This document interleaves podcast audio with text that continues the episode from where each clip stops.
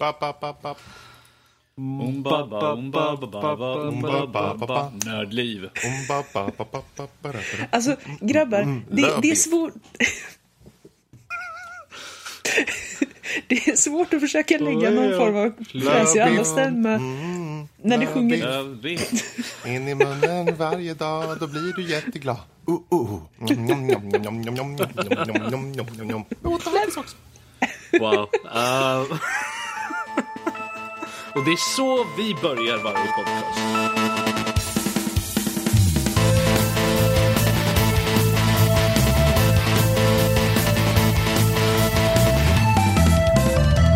Hej och till Nördliv, en podcast om spel och nörderier av alla de slag. Spelpodden där pengar styr och mumsighet är ett vedertaget begrepp. Yes. Wow. Så här, nu har jag fått med min slogan, så nu, kan jag, nu, nu, är, nu är jag nöjd i alla fall. Nu kommer det bli en Det riktigt bra. bra del. Det är lätt för Yes. att klippa där också, mitt i meningen. Precis. Dagens datum är den 12 i 11 2016 och det här är avsnitt 93. Vi tar oss sakta men säkert mot årets slut, men eh, vi har lite saker att prata om idag. Idag kommer vi till exempel prata lite grann om Dishonored 2, Mitomo och eh, Ant, Ant Lion Modemic 4.0. ska bli lite intressant att höra. Sen kommer vi ta upp lite nyheter om att Wii U-produktionen stoppas. En, lite kort om Trackmania, som tydligen får VR-stöd. Och så lite mer prat kommer det bli när Lotta kommer få gå lös med att HTC Vive kommer snart bli trådlös. Veckans diskussion är en liten specialare, så den tar vi och pratar, tar vi lite, pratar lite grann om senare. Jag tar inte nämna det, det blir en överraskning. Och sen har vi lite övriga nördämnen som, med lite smått och gott som vi tar upp senare. Jag heter Danny och med oss idag så har vi Fredrik, Rob och såklart Lotta. Hur är det med er? Bra. Nu får, nu får ni prata. Nu har, jag, nu har jag gjort min introduktion här. Nu, nu får ni till. nu Jaha, du var, till du var klar nu? Okej, ja, jag är klar alltså. nu. Wow. Excellent, vad bra. Vi satt bara och väntade här väldigt spänt för att se vad som Yes. kommer härnäst. Ja, ja nej, nu, är jag, nu är jag klar med den biten. Sådär. Det är Okej. suveränt. Är, är, är ni redo? Ja. Då kör vi helt enkelt. Då, vi tar helt enkelt hoppar in lite grann i spel i fokus. Och eh, ja, Rob, vill du ta och eh, börja ifall du är så snäll? Ja, eh, du ger mig ordet först alltså. Okej. ja. Han är modig. Är, äran är stor här. Mm. jag har ehm, som, ja, inte alla vet kanske. Jag har suttit och spelat uh, Dishonored 2 nu de senaste dagarna. Eh, väldigt hårt jobb. Uh, usch. Svett på min panna uh, dygnet runt. Ehm, Jag eh, tyckte väldigt mycket om originalet. Så jag var väldigt spänd när jag fick eh, höra att de skulle komma med två. Och jag fick chansen att nu spela det. Det är ett bra spel. Jag vill få det sagt direkt ut. Att jag tycker det är ett väldigt bra spel. Jag älskar det. Jag, jag eh, ser, ser fram emot att spela klart det. Uh, även fast jag är 24 timmar in i spelet uh, och är inte klar än. Jag är typ på näst sista banan, tror jag.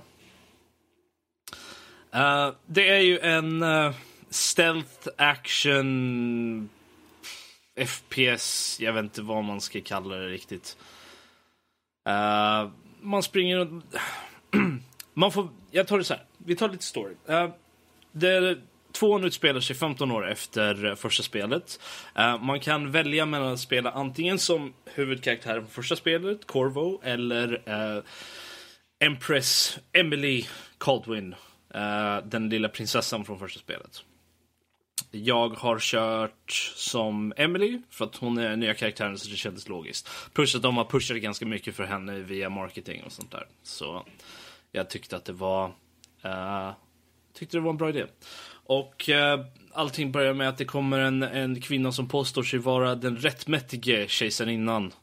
Eh, förvandlar eh, vem du nu inte väljer, i det här fallet Corvo, till sten och kastar dig eh, in i ett, låser in dig i ett rum för att senare eh, bli eh, stå trial för eh, dina brott mot riket, eller vad man nu ska säga.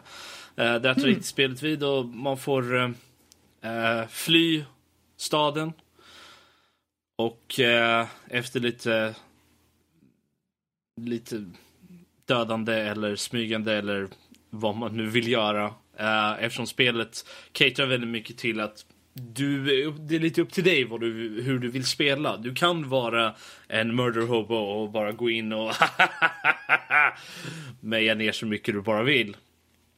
Uh, eller så kan du stälta igenom hela spelet utan att någon ser dig, eh, utan att du dödar någon, utan att du ens rör vid en fiende.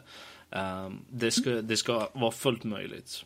Uh, jag är lite mitt emellan. Jag försöker inte döda, men jag, försöker, jag gör takedowns på fiender när de kommer för nära. Eller när jag tycker att de är i vägen. Uh, så att det, blir, det är mycket strypande, uh, mycket sleep darts i fiender. Så att uh, det, det, är lite min väg då. Men det är inte sådär att någon råkar komma aningen närmare. De har fortfarande inte sett dig. Men de kommer aningen för nära för vad du tycker är bekvämt. Och du tycker, meh, attans också och sen går du loss och mördar alla insight. Jag har haft ett par gånger när de har upptäckt mig. Eh, då jag helt enkelt bara, fuck it, jag dödar allihopa. Men eh, efter en stund, men man dör ganska enkelt i spelet. Eh, om man bara står stilla och blir corner, så, vilket jag inte den så blir, det, det är oftast då som jag blir tagen på sängen. Eh, om man vill uttrycka sig så. Um, så jag brukar dö ganska fort, så då, startar, då blir det bara en restart från senaste checkpointen egentligen. Mm. Så att uh, jag har lyckats hålla uh, low chaos under hela spelet hittills. Det, och det, det är... Uh, både Dishonored 1 och 2 har ju den här Eh, istället för att ha ett Renegade eller eh, Good Evil eh, Renegade Paragon system eller något sånt där så har de High Chaos och Low Chaos eh, för att indikera um, ungefär vilket håll du är på väg någonstans. Mm. Uh, och High Chaos är liksom döda allting, typ. Uh, eller det, det är mer om du skapar, om du gör mycket uppror och, och dödar folk och lämnar dem uppe liksom så att de hittas och mm. sånt där så, så uh, ger det dig ganska hög chaos för att det, det blir mycket uppspel i hela. Däremot om du är stealthy och uh, även om du tar ner lite fiender och sånt där så länge du gömmer dem och de inte blir hittade uh, massa sånt där, så har du, kan du ha low chaos. Och så vitt jag förstår det så är low chaos storyn från, eller low chaos runnen från, från första spelet den som är canon för tvåan då. Mm. Så att det, jag antar att det är det i tvåan också. Och det är alltid det som jag...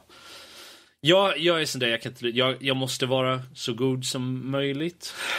I såna här spel där jag har valet. Jag vet inte riktigt varför, det är bara så. Jo, men alltså sen också om man spelar som Emily eh, som är Alltså, hon är ju Empress. Då är det klart att hon bryr sig om sitt folk.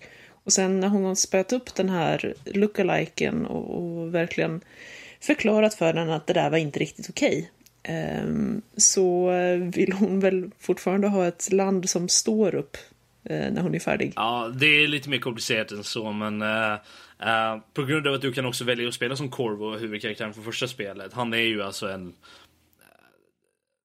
han är ju the Royal Protector, alltså han är typ mm. bodyguard till, till kejsarinnan. Så det, äh, där har man ju lite att välja. Men alltså man får ju också, det är ju inte bara springa runt och stälta och använda vapen och sånt. Man får ju även, man kan välja, man får ett val att acceptera magiska krafter från någon snubbe som heter The Outsider. Mm. Som är typ någon så här quasi godlike being typ. Uh, i, i Dishonoreds värld då. Um, och han kan ge den då uh, The Outsiders Mark, vilket ger dig tillgång till uh, lite nifty powers. och mm. Corvo och Emily har två olika sets av powers. De enda powers de delar som är... De delar en power och sen i stort sett delar en, en annan. Det, du får... Båda har någonting som gör att du kan teleportera dig typ. Uh, Emily har något som heter Far Reach där du i stort sett får en, en klo som åker ut och så drar dig till den platsen väldigt fort. Mm. Um, Medan Corvo har något som heter Blink, vilket är lite mer uh, teleportering fast han blir typ någon form av rök och sen flyger iväg och sen uh, materialiseras på det andra stället. Um, mm. Båda, så vitt jag förstår det som så, in, så behåller personen fortfarande någon form av corporeal, corporeal form. För att eh, i beskrivningen för det så eh, om, du, om du vill teleportera dig genom ett fönster så går fönstret sönder. Så att på något sätt så måste det Mm, finnas okej. någon fysisk form där för att det ska gå, gå igenom. Men i alla fall, den andra kraften är Dark Vision. Vilket är en, en kraft som de, de båda delar, både vid namn och så. Vilket ger att, gör att du kan se i mörkret och eh, eller se bättre i mörkret ska jag säga. Och eh, även gör att du kan se fiender genom väggar. ehm, vart de är någonstans. Och deras eh, Cone of Vision. Uh, Uppgraderar du den också så kan, du, så kan du även se föremål och sånt genom väggar. Vilket är väldigt nice. Faktiskt. Så att eh, collecting stuff becomes easier. Yay! Eh, och vi alla vet hur mycket jag älskar sånt. Ehm, Of course. Ja, eh, det är en hel del. De här krafterna är väldigt intressanta. Uh, Corvos krafter är de som är med från första spelet plus en ny, tror jag. Eh, jag, har inte spel, jag har bara spelat typ en timme av Corvos story, så jag är faktiskt inte säker. Och det var ett tag sedan jag spelade ettan också. Eh, Men Emily har några krafter som är ganska coola faktiskt. Eh, hon har en kraft som heter eh, Domino. Uh, vilket gör att du kan tagga eh, typ två, jag tror första ger att du kan tagga två fiender, nästa uppgradering är tre och sista uppgraderingen är fyra fiender samtidigt. Och det du gör till en av dem händer de andra också. Så att eh, om du stryper en av dem så blir, de så blir de andra också. De blir inte strypta samtidigt men när den personen du stryper blir eh, medvetslös så blir de andra medvetslösa också. Spelar ingen roll vart de är någonstans så länge de är inom range för dominon. Fräsigt. Eller så länge du har taggat dem. Den verkar, har du, så länge du har taggat dem kan de gå utanför din range och fortfarande bli påverkade. Uh, men jag tror att det, det finns en range på det också. Jag är bara inte säker på vad den är. Uh, men det är väldigt coolt. Det gör det mycket enkelt att göra en, en non-lethal run. För att du kan helt enkelt, för att du kan bara ha max fem stycken sleep darts med dig. Vilket är Uh, den mest effektiva av non-lethal takedown-vapnen. Eller det mest effektiva långdistans i alla fall. Du har några andra som gör att du, de blir blinda och en annan som den får inte att springa iväg. Men det är det enda som du kan göra en non-lethal takedown eh, i, från range då. Annars så måste du upp close and personal och fondla dem lite ehm, runt halsen. Precis. Och- Det kan alltid bli lite kladdigt sådär. Eller hur? Ehm, och, ehm, men på grund av att du inte kan uppgradera hur många uh, sleep darts du har så har du har bara fem så du måste vara lite sparsam med dem. Vilket gör att Domino är väldigt bra för det för då kan du tagga till sådär en tre, fyra stycken på ett område och sen skjuter du en av dem bara.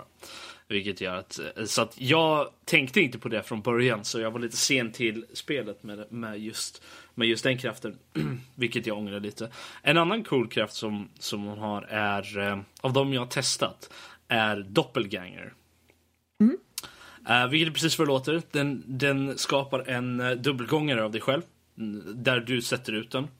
Ehm, och eh, den uh, alertar fienderna. Och så att de jagar den. Så att den är lite av en decoy. Eh, uppgraderar du den också så kan du få den att attackera fienden också. Och du kan använda, använda den som sort of en ranged takedown också. För att den kan assassinata fiender. Den gör. Om du sätter den bakom dem. Vilket är, vilket är intressant. Jag har inte testat det än. Jag har precis uppgraderat den. Det är lite svårt för att för att kunna uppgradera de här eh, krafterna då så behöver man något som kallas för runes. Runor som man hittar lite varstans runt i världen med hjälp av ett hjärta som man har i handen. Den visar dem på kartan och det är bara en viss mängd per karta. Eh, jag tror max jag sätter typ 3-4 stycken på en karta. Och eh, olika uppgraderingar kräver olika mängder av eh, runor. Eh, ibland så är det en, ibland är det så mycket som 4-5 eh, som du behöver för att kunna uppgradera.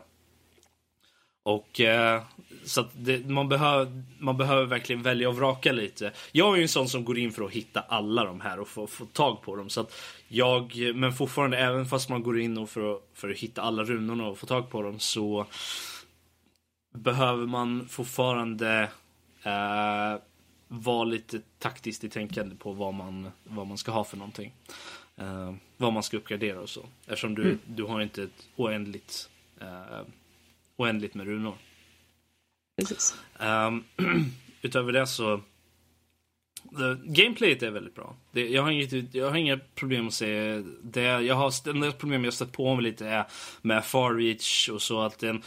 Um, aimingen med den är lite udda eh, ibland. ibland när man eh, siktar på ett ställe jag vet att okej, okay, jag borde kunna nå här. Uh, och så gör den inte det och så måste jag sikta vinkla den jättekonstigt för att jag ska nå det stället jag vill.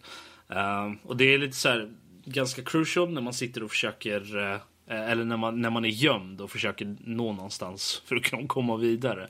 Ja. Kan, man inte, kan man inte nå dit med sin teleporting ability då är det lite svårt. speciellt om man har slut på sleep darts. Då kommer vi till de där kladdiga situationerna igen. ja, precis. Men det, det, är egentligen det enda problemet jag har sett med gameplayet hittills. Uh, och, mm. uh, men spelet är... Jag har varit tvungen att spela det på lite lägre nivåer här för att jag är inte, min dator är inte riktigt up to snuff. Uh, sitter på ett, vad, vad är det, ett GTX 770-kort och någon äldre generation av, av CPU och sånt där. Så det är inte den bästa av datorer. Men jag kan köra det på medium och ligger på runt 40 FPS. Uh, större delen av tiden. Ibland så drar det ner lite, ibland så hamnar jag på mer, men större delen av tiden ligger jag på runt 40 FPS. Uh, spelet är fortfarande väldigt snyggt på medium. Mm. Är det. är uh, det, det är inte så mycket um, hur eh, hur texturerna ser ut, liksom att man har de här high-res detaljer på det sättet, utan det är detaljrikheten i miljöerna som gör att spelet är, är så uh, Vackert är lite fel ord, för vissa miljöer är inte så jättevackra direkt eftersom det är typ slums och lite sådana saker. Men de är de är så detaljrika att man blir lite um, in A nästan. För att det, blir, mm. det, det, det känns så lifelike på något sätt. Det känns som att det här har varit här i hundratals år. Precis som det ska vara. Och det, det, är ju något som de verkligen gått in på. Det var mycket av det i första spelet också. Att de la verkligen in på att okej, okay, detaljer. Det ligger skit på gatorna ja. och liksom det är krumelurer inne hos folk som du inte kan röra. Du kan inte göra något med dem liksom. Man ser ett kök och det ser ut som ett kök för att det finns liksom pots and pans och matdelar och eh, sådana grejer där liksom. Så det, det är detaljrikheten som gör det här spelet väldigt mycket eh, när det kommer till eh, till miljöerna och så. Och varje, eh, varje area som du är inne i, varje karta som du eh, är väldigt distinkt eh, från de andra. Och det mm. har de ju verkligen gjort medvetet då. Att de har ju, alla areas som du kommer till är eh, sina egna distrikt i den här staden Karnaka som man är i då.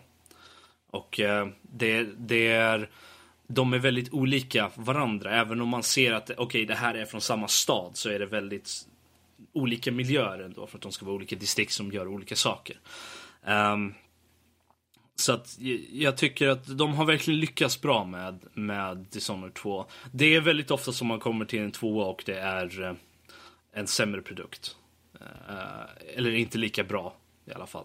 Som, som lever inte riktigt upp till originalet. Och jag känner definitivt att tvåan gör det. Härligt. Så att eh, jag skulle väldigt starkt, gillar man eh, Gillar man, gillar man eh, Dishonored 1 så är det definitivt liksom ta, ta och spela spelet.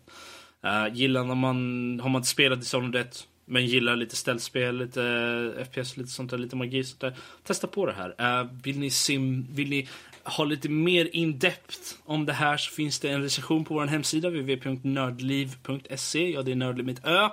För att vi är the cool kids. Uh, vi kör med ö nu för tiden. Uh, där, finns, där finns det en recension av, som jag har gjort av, uh, av Dishonored 2. Som går in lite mer i det. Läs! Yes. Läs den! Läs den! Nördliv! Jag ville oh, vara som Max där på något sätt. Bara komma in. Läs! Mm. Ja, alltså, jag kände det känns som lite... något han skulle göra liksom. Gå in dit! Nu! Gå in dit! Nu! Stäng av då, det här Då var dit. jag klar. Precis. Pausa podcasten, gå, gå in på hemsidan, läs den, kom tillbaka och säg så här. Jag vet exakt vad de pratar om. Mm, mm, mm. mm. Och med det sagt så tar vi och går ifrån Dishonored 2 och hoppar över till Fredrik. Du ska prata lite grann om Mitomo. Mm. Mitomo, vet ni vad det är? Nej, vad i hela Nej, friden Det står det är här? någonting Nintendo som Ja. har två i. De här Nintendo, de tycker ju om att flörta med folk, vet du. Så de släppte ju redan i mars en liten så här freemium-app. Det är typ social networking i princip. Och den heter Mitomo. Men den kom nu, den kom då först till USA. Nu kom den till Sverige. Och då tänkte jag, men det här måste vi ju testa på. För det snackar ju folk eh, utav helsike om då redan då. Så jag tänkte, ja men jag tar väl an det. Ehm, det är inte mycket mer än att du, har, du gör en liten gubbe. Du kan fotografera dig själv och den känner av hur... Ja, men okej, så här kommer din gubbe se ut. Och så får man typ 40 alternativ. För den kan inte Mm. i alla fall bestämma hur det ser ut. Men det är ganska snarlikt ändå. Inom Mitomo. Mm. Ja, jag, såg, jag såg bilden som du la upp på Twitter. Fast den såg, inte, den såg inte så lång ut och den hade inte den här ölkaggen. Så. Nej. Eh, jag, jag, gick, jag gick egentligen bara in på ansiktet när jag gjorde den. Eh, jag tänkte också jag skulle, ja, men jag, jag tänkte när jag tog ner den, ja, men jag testar en dag bara för att se vad det är för någonting sådär. När folk... det ska du ju aldrig testa ju. Nej. Men ehm, där, du, du är i alla fall dig själv då, på sätt och vis. Och eh, du får liksom sån här datorgenererad röst som du kan välja hur den ska vara. Eh, och du ändrar hur din personlighet ska vara. Det finns en stapelliknande grej som du väljer och drar i och så. Och så Har, har, du- men Fre- Fredrik, har Mm. du varit sanningsenligt på allt det där nu då? Ja, jag gick efter mig själv liksom. Introvert och tråkig. Och därför, Så han det så här. upp. Faktiskt så låter den ungefär. Okej. Jesus. Glorious. Syf- det, det som är svårt med det här, det är att se lite syftet i det. För jag personligen har suttit och tänker, men jag vet inte riktigt vad jag ska göra. För du, du pratar bara med folk, du får frågor till dig. Eh, och de besvarar du då liksom. Och de frågorna kommer sen upp så att andra du är kompis med kan se dem. Och då kan de göra ett hjärta på dem eller kommentera dem. Som till exempel, första var ju då, What's your favorite food? Då svarar jag lövbiff med potatis. Eh, och så har någon liksom gjort ett hjärta på det. Då håller de tydligen med. Eh, och sen har jag skrivit liksom If you could eh, date any fictional character Who would it be? Och då slog jag till med Black Widow För jag tänkte jag vill bli strypt i sömnen Eh, Ja, men det är ju alltid lite What? mysigt. ja, det, Det läskigaste med det där det är ju Fredrik var... alltid lite mysigt Le, Fredrik, det läskigaste med det där var direkt när du sa det så tänkte jag ah, Black, Black Widow. Tänkte jag direkt så här. Så säger du det och Okej, nu vart det lite uncomfortable här. Men det är liksom, det, det är vad man får, man får hela tiden sådana här frågor. Och du, de du, om du hittar folk som du känner, eh, add, addar dem så att säga, så kan du gå in och besvara deras, kolla vad de har besvarat på alla de här frågorna som hela tiden dyker upp. Och så kan du kommentera på dem och prata med dem. Och, eh, du kan se vad de, vilka de känner och på det sättet kan du klicka och lära känna dem och så vidare. Ehm, men eh, det, är inte mer, det är inte så mycket mer djup än så egentligen. Visst, du, kan, du har som ett litet rum där din gubbe står i. Där kan du ändra om eh, väggar och golv och hur det ska se ut. Och ju mer du pratar med folk, ju mer du kommenterar, desto mer poäng får du. Så att säga, som små guldmynt. Eh, och de små guldmynten kan du köpa fler sådana här eh, väggar och kläder och sånt med. Så det är egentligen det som driver spelet, spelet framåt. Att du ska egentligen, du ska prata med folk och ju mer du pratar med folk desto mer eh, får du eh, ja, pengar och så går, fortsätter det så. Och så går det upp lite i nivåer också och så, såklart, som sig bör. Ja. Ja, eh, lite belöningssystem för att du bubblar med folk. Och det, det är allt egentligen. Eh, och Alltså, som sagt, ja, men, säg vad du ville säga där. Jag tycker det låter nästan lite som en blandning mellan Facebook och OkCupid på något sätt. typ. Eller har ja, jag fel? Eller hur? Ja, nej, visst. Facebook och twin, Tinder. Det är ju, Ja, fast och- OkCupid har de här eh, frågorna, ja men, eh, som vem skulle helst dejta? Vilken seriefigur skulle helst dejta? Du, ver- du verkar väldigt, uh, ha väldigt mycket kännedom av det här Lotta. Alltså, eh, vi, vi, vi kan ta det sen när vi har fått höra mer om det här, men jag, jag råkade skapa ett sånt konto för typ 15 år sedan. Ehm, Nu, pi- nu 15 år pickar sedan, jag dig bara Lotta, jag har ett eget så att det, det är lugnt. 15 år sedan med Lotta, då var ju du typ två.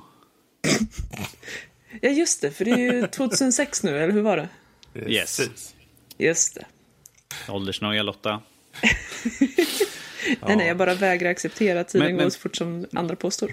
Men hur Precis. som helst, eh, hur funkar det här, eh, ja, typ spelet? Är det underhållande? Det är ju lite det som är det konstiga här. För jag tänkte ju när jag tog ner att ja, men jag testar det här en dag och sen så ta- kastar jag appen. Men jag kommer på mig själv att ja, men jag, jag skriver till Straholic här. Och Straholic kommer över in i mitt rum och börjar bubbla med mig. Och så ser jag att han ställer lite frågor. Men de vill jag besvara på för att se vad han tycker om dem. Så skriver jag typ, eh, ja vad kan det vara? Liksom, eh, vad, vad är det mest eh, konstiga som hänt på sistone? Liksom? Då tar någon såklart upp det här med att Trump vann och så tycker man lite hit och dit och så. Och så lär man känna folk lite på, på det sättet liksom. Och ehm, ja, det är ju egentligen bara, det är ju ett socialt nätverk liksom. Det, det, du bara liksom egentligen lär känna folk eh, på ett lite skojigt sätt. Och allting läses upp då eh, av de här små Mitomo-gubbarna. Welcome to, here he comes, Straholic, or Annie Larsen. Liksom, någonting. Ja, Eh, Jag skulle installera, höra det där, sen skulle jag avinstallera ganska snabbt. Ja, nope, too creepy, too creepy. Det är bara att muta, vet du. Då slipper du höra. Jag har försökt Det går muta också. dig nu, så här. det går inte. Men eh, det, det är väl egentligen allt. Det, det, är väldigt harmlöst. Det finns ju så, de här mynten som man känner in. Såklart kan du köpa fler sådana mynt liksom. För är det jag- såna typisk, typiska såna här Mario-mynt eller något sånt där? Ja, ungefär. De, ja, okej. yes. Why not? Det är ju Nintendo ju så. Det Så måste men vara såna. Det är, lite, det är ändå lite småmysigt och man kom ganska lätt in i det. Och är det så att man tycker om just den här sociala aspekten så kan du mycket väl faktiskt lära känna folk. I och med att det är egentligen Mytomo-appen som ställer frågorna och du besvarar dem och där ser de andra. Och de får hela tiden frågor. Så du ser ju bara svaren på frågorna som per automatik dyker upp i princip. Och då lär du känna på, okej den här personen han gillar Eh, Så jag, la upp, eh, vad, vad är liksom, det kom upp en fråga, vad är den senaste tv-serien du har blivit hooked på? Och då skrev jag Westworld och så började jag bubbla med en snubbe som också blivit det. Och, och sen kom, kollade jag på hans frågor och han hade frågor som, ja men det här var kul, det kanske man ska snacka med på riktigt, det här verkar ju ganska kul kille liksom. Och så vidare. Så, ja, ny, nöjen förenar folk helt enkelt på ett enkelt och framförallt eh, kostnadsfritt sätt med Alltså. Fre- Fredrik, förstår du inte att det här är bara ett sätt för dem att få information så de kan ge bättre reklam till folket sådär ju. Ja, visst. It's all a conspiracy. Men Ja, det, det är väl inte mer än så att säga om Itomo tycker jag. Utan, man, man får helt enkelt testa, det är ju gratis som sagt. Ja, Och, eh, Jag är på mobilt. väg att testa nu. Är jag. Nu kommer vi inte höra utav Robert här resten av podden, för han kommer sitta och hålla på med det där. då, då, är det tur, då är det tur att vi går från Mitomo över till Antlion Modmic 4.0 och det är återigen du Fredrik som ska prata om det. Det här är en, en, eh, en, en liten sak du har recenserat. ja, och den kommer komma ut här inom kort. Ehm, Och jag tänkte vi kan lika gärna spoila lite med den, för det, det är kul för er som lyssnar att få en liten... Nej, Fredrik, vi kan inte spoila saker, det går inte. Eh, jo då, jo då. Vi måste då, bjuda för den här, för den här, för den här gången, okej då. Det är en av de kortaste recensioner jag har gjort på andra sidan. Okej. Eh, Modmicken är ju egentligen det är en separat mick som du kan sätta på vilka headset du vill. Eller headset, du kan sätta på vilka, vilka hörlurar du vill. Eh, tanken Modmic, eller Antlion har, är ju egentligen att det finns så många eh, hörlurar ute på marknaden. Folk köper ju väldigt bra hörlurar kanske. Och kommer på att ja, men jag vill inte byta till ett headset. För kvaliteten på ett headset är ofta mer anpassat på, på lite annorlunda sätt. Du kanske inte får samma eh, ljudkvalitet i, i, i lyssningsljudet så att säga som du kanske får om du köper ett Sennheiser eh, Studio Grade eh, hörlurar. Eh, som, som är verkligen anpassade för att bara lyssna med. För de, de måste ju oftast få ner priserna liksom med okej vi ska ha en mikrofon och vi ska ha ett hörlurar och så försöker vi hålla priserna nere lite grann sådär. Men i det här fallet så, så kan de ju då göra som så att de specialiserar sig på bara den här mikrofonen. Eh, modmicken som hängt med ett tag nu, för nu är det ju som sagt 4.0. Och tanken är egentligen att du får lilla etui och i där så har du en, en, eh, den här modmicken med en, jag tror ungefär tre meters kabel. Och så lite clip-ons och sånt så du kan, om du mot förmodan har ett, har ett sådana här hörlurar som du har en kabel på, så kan du klippa ihop med det här klippet liksom. Så att kablarna är ihop. Så att det inte blir två kablar som går då. Och så har du en sån här um, adhesive, en liten limplupp så här med mag mm, en magnet i. Som du bara plupp, sätter fast micken på. Så vips så har du en, en, ett headset på din studiogrej. Alltså i, istället för eh, en vanlig hörlur då. Och ehm, då kan man ju tycka, okej, okay, för den här kostar typ 800-900. Så man undrar, okej, okay, men det kanske hur inte... Är, hur är kvaliteten? Ja, kvaliteten är väldigt bra, är den, för den här typen av mick. Det är en uh, cardioid-mick, alltså en njure på sätt och vis då. Uh, med bomarm, bommick uh, på. Och genererar ett väldigt klart och framförallt ganska brett ljud för att vara en sån här typ av mick. I regel som vi, de flesta sådana här mikro, headset-mikrofoner är ju oftast ganska tunna i, i, i, ljudet. Mest för att du ska egentligen bara kunna höra personen. Det, det är ju inte en fråga om att du ska sitta och sjunga i micken. Inte för att du kanske ska i den här heller. Men du får ändå ett lite bredare omfång i, i ljudbilden. Vilket de flesta jag kan tänka mig kan komma att uppskatta. Då. Mm -hmm. um, och installationen, men du, du bara pluggar in den och så är det bara att köra. Uh, så allt som allt så är det här, jag, jag personligen fann det som ett väldigt bra köp på det sättet att du, är det så att du redan idag har faktiskt ett väldigt bra ett, ett par av hörlurar hemma så behöver du inte liksom sitta och, med ett extra headset och hålla på att gå mellan dem beroende på om du ska sitta och spela spel eller om du ska faktiskt lyssna på någon riktigt bra musik eller titta film. Um, utan då kan du faktiskt få ihop det här eh, till ett enda med den här micken då. Så Bräsigt. på det sättet, ja, på det sättet så är det faktiskt en, den, visst den har ingen mic eh, mute-funktion dock på sig, så det, det får du göra i, eh, i Windows liksom. Så det är väl en, en av de små drawbacks som finns. Men för kosten som den har så är det inte så fruktansvärt farligt. Eh, den kostar, nu ser jag fel på prisen, den kostar bara 550 spänn för övrigt. Den här. Det finns lite dyrare där de har man mic mute också. Men Fredrik, vi, vi gjorde perfekt, det, var, det här var ju som perfekt försäljningspitch. Du sa liksom, den kostar så här mycket, folk bara, åh, det låter väldigt bra. Du bara, skojar, det kostar faktiskt bara så här lite. Och bara, yes, ja, men då, då sticker vi och köper den. var faktiskt billigare än vad vi trodde. Ja. Nej, men är det så att man inte vill tumma på kvaliteten på, sitt, på sina hörlurar så är det här definitivt ett bra köp att kolla på. Så. Mm. Sweet. Uh, ja, och det får räcka lite grann för spel i fokus just nu. Uh, jag vill då samtidigt här nu ta upp och uh, säga att för er som lyssnar här att vi kommer ha en liten tävling senare i podcasten. Vi kommer komma med vad tävling innebär och lite regler och annat sånt där roligt. I potten finns till exempel ett Call of Duty Infinite Warfare. Mm. Och lite annat smått och gott som vi tänkte att vi skulle ha med. Men att mm. ni får hålla er till tåls lite grann. Det kommer komma senare i delen. Och med det sagt så skuttar, skuttar vi vidare helt enkelt till nyheterna. Och den här gången slänger vi över till vår man på gatan, Fredrik. Ja, just ja. Det här är ju... Um, jo, det har ju faktiskt hänt lite grejer. Tro eller ej. Fast inte så mycket kanske den här veckan. Men vi drar till med det som finns ändå. För det första är det ju Wii U-produktionen som faktiskt nu officiellt sett då stoppas av Nintendo. Um, ingen överraskning i sig kanske, men nu är det i alla fall officiellt. Wii U är stoppat och uh, nu är det egentligen bara att vänta in switchen här då. Uh, det är ju förvisso så att uh, här för bara för någon vecka sen så dementerade de just när det kom upp en fråga om att uh, den skulle stoppas produktionen, men nu uppenbarligen så så är det inte längre så.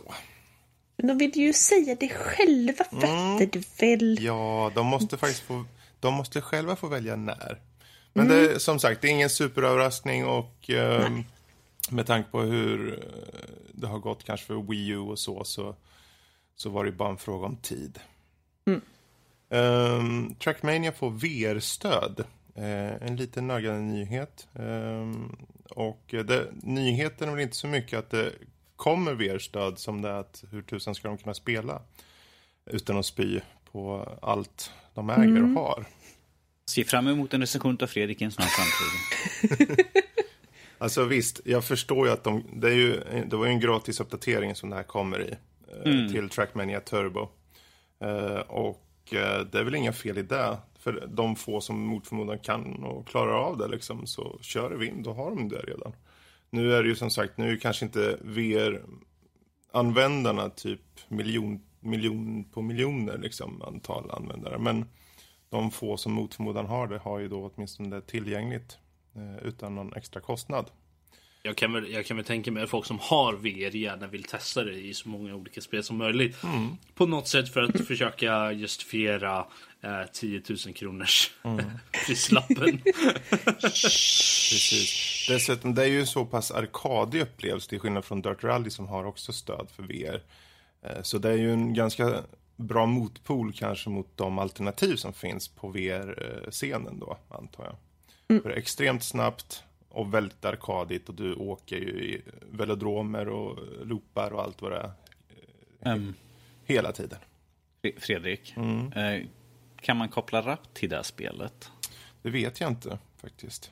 Jag tänker, då kan vi ta, då kan vi ta ratten, åka ut till Max och sen tar vi kopplar ditt konto där och sen använder vi deras headset och sen kan vi ha en riktig hel dag. Och jag tar med plastpåsarna och lägger ut över hela golvet och, och klistrar fast en under munnen så att man kan bara liksom hulka ur sig när man mår riktigt dåligt. Så. Plas- Plastbeläggning i hela lägenheten. Ja, precis. Det låter som en riktigt, det låter som en riktigt Väggar bra i tak, ut på gatan. Ja, katten. på katten. ja, jösses. Men det, det är i alla fall en liten nyhet där. Eh, Men så slutligen då kommer vi till en av de lite större nyheterna den här veckan och det är ju då att HTC Vive faktiskt nu eh, officiellt sett då kommer bli, eller är, trådlös. Eh, ja, det, det är ju lite kul faktiskt. Det är ett uppgraderingskit. Eh, finns redan för pre-ordering. Start nu på fredag. Eh, för, Lite Ja. pointer, bara, bara i Kina just nu. Yes. yes. Eh, s- Pre-ordering på eh, 220 dollar är för de som gäller. Och alltså det är ju ingen, eh, det är ju inte förvånande. Det har ju kommit väldigt många proof of concept eh, just för att bevisa att man kan bli av med den här tethern eh, som man sitter fast i datorn med. Eh, alla jag har sett har involverat en stor och tung ryggsäck som man har försökt göra så liten, lätt och smidigt man har kunnat. Ja, just det. Det har jag ju sett. Det, ju, var inte det någon hemmabygge eller något sånt där? Eh, eller ja, ett par halvhemmabyggen har jag sett. Eh, av, ja, folk som är redigt duktiga på att bygga ihop ja, men liknande grejer. Lösningar helt enkelt. Ja, och, det, och den här, eh, får vi säga, det är, det, det är ju så litet. Det är ju bara som sitter på själva headsetet. Eh, pro, problem, problemet är ju dock nu bara att eh, batteritiden var uppskattad 90 minuter. Ju. Yes. Eh, så att vi får väl se. Det, det finns ju, man kan köpa till ett extra batteri som man då har eh, i fickan har de skrivit. Eh, mer information om den här nyheten eh, finns också på vår hemsida nördliv.se.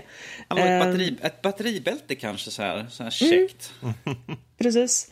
Men jag ser det lite som det, det är det första steget. Ja. Eh, för att personligen så har jag inte blivit jättestörd av den här tethern. Visst, man har tänkt på det. Du Eh, har, man alltså, helt- du, har inte, du har inte trillat omkull alltså med andra ord? Inte än, ta i trä. inte inte Eh. än, precis. Men man får, man får tänka sig för eh, och tycka okej, ja, men nu har jag snurrat åt det här hållet tillräckligt långt så att nu, nu borde jag nog försöka kliva över eller under eller ja, så. Så att man alltid håller någonstans i bakhuvudet om var sitter jag i fast någonstans. Eh, och inte gå för långt och så vidare för att då säger det boom. Mm. Men som sagt, det blir väldigt spännande att se eh, utvecklingen, vidareutvecklingen med det här. Så tycker jag att vi kan ha Kina som testanvändare helt enkelt. Det är Låter säkert som en utmärkt. jättebra idé. För, för det här var ju bara första utannonseringen de hade från en tredjepartstillverkare som de har ett eh, samarbete med. Så att det finns ju flera där ute som håller på att arbeta också. Vi kanske får någon helt annan också. Precis. Precis. Och om Det- det- Viven kommer nu så kommer ju de andra inte vara Ja. jättelångt efter. Nej. Och ja, de, det är ju som med de flesta liksom såna här, eh, när de approachar olika tredjeparts, de, de, de vill ju att de ska bråka sinsemellan och få fram den bästa lösningen för, det för klart? dem så att säga. Eh, Och filtrera ut lite. Ehm, Så det, det är jättebra. Det är ju första generationen som kommer säkert eh, komma ganska snart tror jag då. eh, av det. För nu, nu är det också första egentligen konsumentversion utav Vive och det skulle inte förvåna mig om det kommer en version 2 av konsumentversionen. Eh, som då de äntligen eller så kan implementera här i då. Mm. Konkurrens är ju den bästa sporren egentligen. På, Speciellt på den här biten, att det gäller att komma att vara först och bäst helt enkelt. Precis som på det mesta ju. Och när nu har VR och när vi får en, tråd, en trådlös variant så, kom, så som vi sa att det kommer ju spara på de andra och försöka göra lika bra så att deras inte hamnar efter. Precis. Men eh, där har vi i alla fall eh, den sista nyheten och med det sagt så ja, lämnar vi över till vår kära Danny. Yes! Det är så ovanligt vi slängt tillbaka från nyheter. Det är vanligtvis jag som har det, så det blir lite annorlunda här nu. Men eh, så är det när man tar sig an värdskapet så lite grann till från. Jag ber om så hemskt mycket om ursäkt igen nu. Så. Men i alla fall, eh, vi går över till veckans diskussion, vilket faktiskt är ett lyssnarmail. Så jag läser upp hela mejlet här nu, eh, ifall jag kan få ta textfilen på den här monitorn som är lite större. Hej gänget! Jo, jag gillar att lyssna på er och diskutera saker så därför tänkte jag föreslå ett litet ämne. Det kommer många FPS, särskilt nu sista tiden med Battlefield 1, COD, Infinite Warfare och Titanfall för att nämna några. Finns det liksom plats för alla och hur tror ni att genren går vidare? Som jag känner så känns det som att FPS-genren börjar gå ifrån eh, de mer kodliknande upplevelserna till ett mer hjältebaserat FPS-form, tänk Overwatch. Och nu senast med Doom så börjar genren att även snegla tillbaka till sitt ursprung. Så vad tror ni? Vad står härnäst på agendan för FPS-genren? Och på vilket sätt kommer den ändra sig inom de närmaste åren tror ni? Om ni får spekulera fritt. Hi hi. Jag gör en jättebra hämning från folk fnittrar så här. Ingen liten fråga kanske, men där har ni den i alla fall. Tack för en bra podd. Med vänliga hälsningar, Erika. Tack så mycket Erika. Det var faktiskt en riktigt intressant eh, fråga där. Så vi tänkte att vi tar faktiskt den som veckans diskussion helt enkelt. Och uh, tänker att jag bara liksom slänger ut där. Vad tror ni nu när vi har de här stora spelen som kommer ut årligen och eh, kanske lite grann att det här att vi börjar gå tillbaka till, om vi tar nu den, att vi kanske går tillbaka till de gamla klassikerna i FPS-genren. Hur tror ni på den biten? Är vi på väg tillbaka lite grann till stor, nu kommer jag säga storhetstiden för det är det jag tycker var storhetstiden som jag växte upp med de spelen ju så. Vi har ju på sätt och vis sett det under ett tag nu. Men, men om man tänker sig till exempel Wolfenstein som kom. Som blev en väldigt hit. Som på sätt och vis tar sig an det gamla rakt på.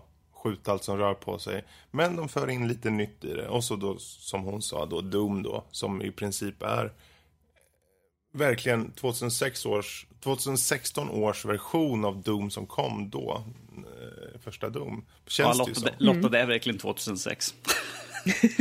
Yes! Men, eh, sorry, sorry Fredrik. det, det, det, är liksom, det känns som att de verkligen sneglar tillbaka och de här titlarna som COD och Eh, Titanfall är kanske ett undantag där, men COD och Battlefield, de, de kör ju vidare år efter år liksom med sina och det är klart att folk blir ju alltid trötta till slut, så är det. Jag menar, se på till exempel Assassin's Creed, där förstår utvecklarna att ja, vi tar, vi tar, backar tillbaka lite, kollar lite på vad vi har och faktiskt väntar ett år. Och jag, jag kan tycka att i till exempel Cods fall så vore det ju kanske smart för dem nu att tänka på det här sättet också. De behöver inte kanske komma ut varje år eh, med ett nytt. Och eh, jag hoppas se den, att de, den utvecklingen hos eh, utvecklarna.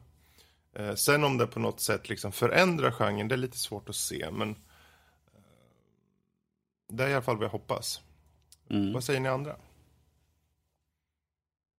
Ja, alltså jag, jag ser också att jag, jag vill se en förändring, jag vill se en utveckling i genren. Som sagt, jag tror att klassikern kommer alltid finnas där. Eh, men det vore intressant att se en större utveckling. Hur den här utvecklingen skulle gå till. Visst, absolut, med VR. Eh, för ni vet, VR är lösningen på livets alla problem. Ehm, men det skulle jag tycka vara fruktansvärt intressant. Ehm, att se... eh, alltså okej, nu... Vi fick spekulera helt fritt, right? Yes. Aha. Om ni tänker er en... Alltså man gör en stor VR-scen, alltså 10 gånger 10 meter. Mm. Okej, kanske räcker med 5 gånger 5 men stor Nej, scen. nej, nej, nej. Du ska... Okej, 10 gånger 10. Gå, Vi- gå lös vi- nu, gå lös nu. Yes! Ehm, och kör liksom, ja men CS IRL. Basically. Att man kan spela online med sina vänner, men de facto springer omkring med sitt självfallet trådlösa VR-headset. Eh, och de facto gömmer sig och sträcker på sig och hoppar in bakom eh, lådor och allt. Alltså, lite laser game fast, man skulle kunna spela det med folk över hela världen. Det skulle jag tycka var fantastiskt roligt. Och man kanske kan fuska lite grann då. Det enda sättet jag vinner. Inse faktum, det enda sättet jag vinner i så fall. Aj då. Eh, Det skulle vara rätt intressant. Eh, Det finns ju de här... Uh, vad heter de för någonting? I USA så har de ju såna här där man kan gå omkring med... eh, inte, jag tror inte VR, utan det är ju såna här... Uh, ja, headset där de har byggt upp som banor, men att de har... AR. Eh, AR, precis. Det är AR sådana här ställen. Och det, det, känns lite grann sånt där, fast med VR istället. Eh, det skulle vara rätt intressant. Jag skulle faktiskt. kunna se de, de kunna göra något sånt med, med HoloLens. Skulle jag kunna se. För där kan de ju Ja. lägga på på existerande ytor. Och eh, bygger man någonting, och den är ju fullt trådlös också. Till skillnad från många VR. Eh, jag, jag vet. Nu ser vi nyheten också. Men ja, eh, det vore intressant då för det, då kan man ju göra någon form av AR eh, enhet där man faktiskt har en, en eh, som ett lasergame arena fast den är helt kal. Så att det enda som är där är liksom väggar och sånt och det som du ser Precis. är ju det som läggs på där då sen. Eh, och man kan säkert göra det med VR istället så att du ser eh, de här ytorna och så. Men du vet också att de riktiga väggarna och ytorna är där. Så att du kan känna, du kan röra vid dem när du, när du faktiskt rör dig runt då. Eh, så det vore ju någonting kan- antar jag. Eh, det vore ganska cool faktiskt. Men jag ser ju inte det vara någonting som man har i hemmet direkt. Det är, det är väl det Ja. som är stora, Kanske, stora, kanske inte. stora förhindret i såna där. Eh, speciellt med tanke på att eh, de flesta hem inte har en 10x10 yta. Eller ens en 5x5. Eh, slight problem, yes. Yes, så jag tror att det är ett sånt där stort problem med VR just när det kommer till att faktiskt fysiskt röra sig runt med VR i alla fall. eh, är just att det, det är väldigt dåligt med utrymme. eh, När man är hemma. Sen kan man ju såklart ha såna här VR-arenor eller något sånt där. Lite som lasertag liksom. Att man går dit för att spela. Eh, men, så det blir lite mer den här arkadkänslan då, eller vad man nu ska säga. Jo, precis. Eh, Jag tänker Ja. på det här bara, nu hoppar jag tillbaka lite, men eh, hon, hon nämner ju det, de här hjältebaserade FPSen. Mm. Och eh, det är, ju, det är ju faktiskt en ganska stark trend som har kommit nu, egentligen sedan Moba kom. Eh, Moba-spelen har ju influerat ganska mycket och nu har vi, vi har ju sett, till exempel kom det ju den här Battleborn till exempel, den var också hjältebaserad. Japp. Och eh, jag tror det kom den här från Epic, Paragon tror jag den hette också. Om den inte är precis ute. Och så såklart Overwatch då som man säger. Och de har ju blivit väldigt populära, särskilt Overwatch då. Mm. Så de har blivit sjukt populär. Och faktiskt snott många spelare från de här, eh, inom situationstecken, standard shooterserna. Typ COD till exempel då. Eh, och eh, jag kan tänka mig faktiskt att, det, att vi kan se kanske en en lite av en våg som kommer i de närmsta åren med mer av den här typen av spel.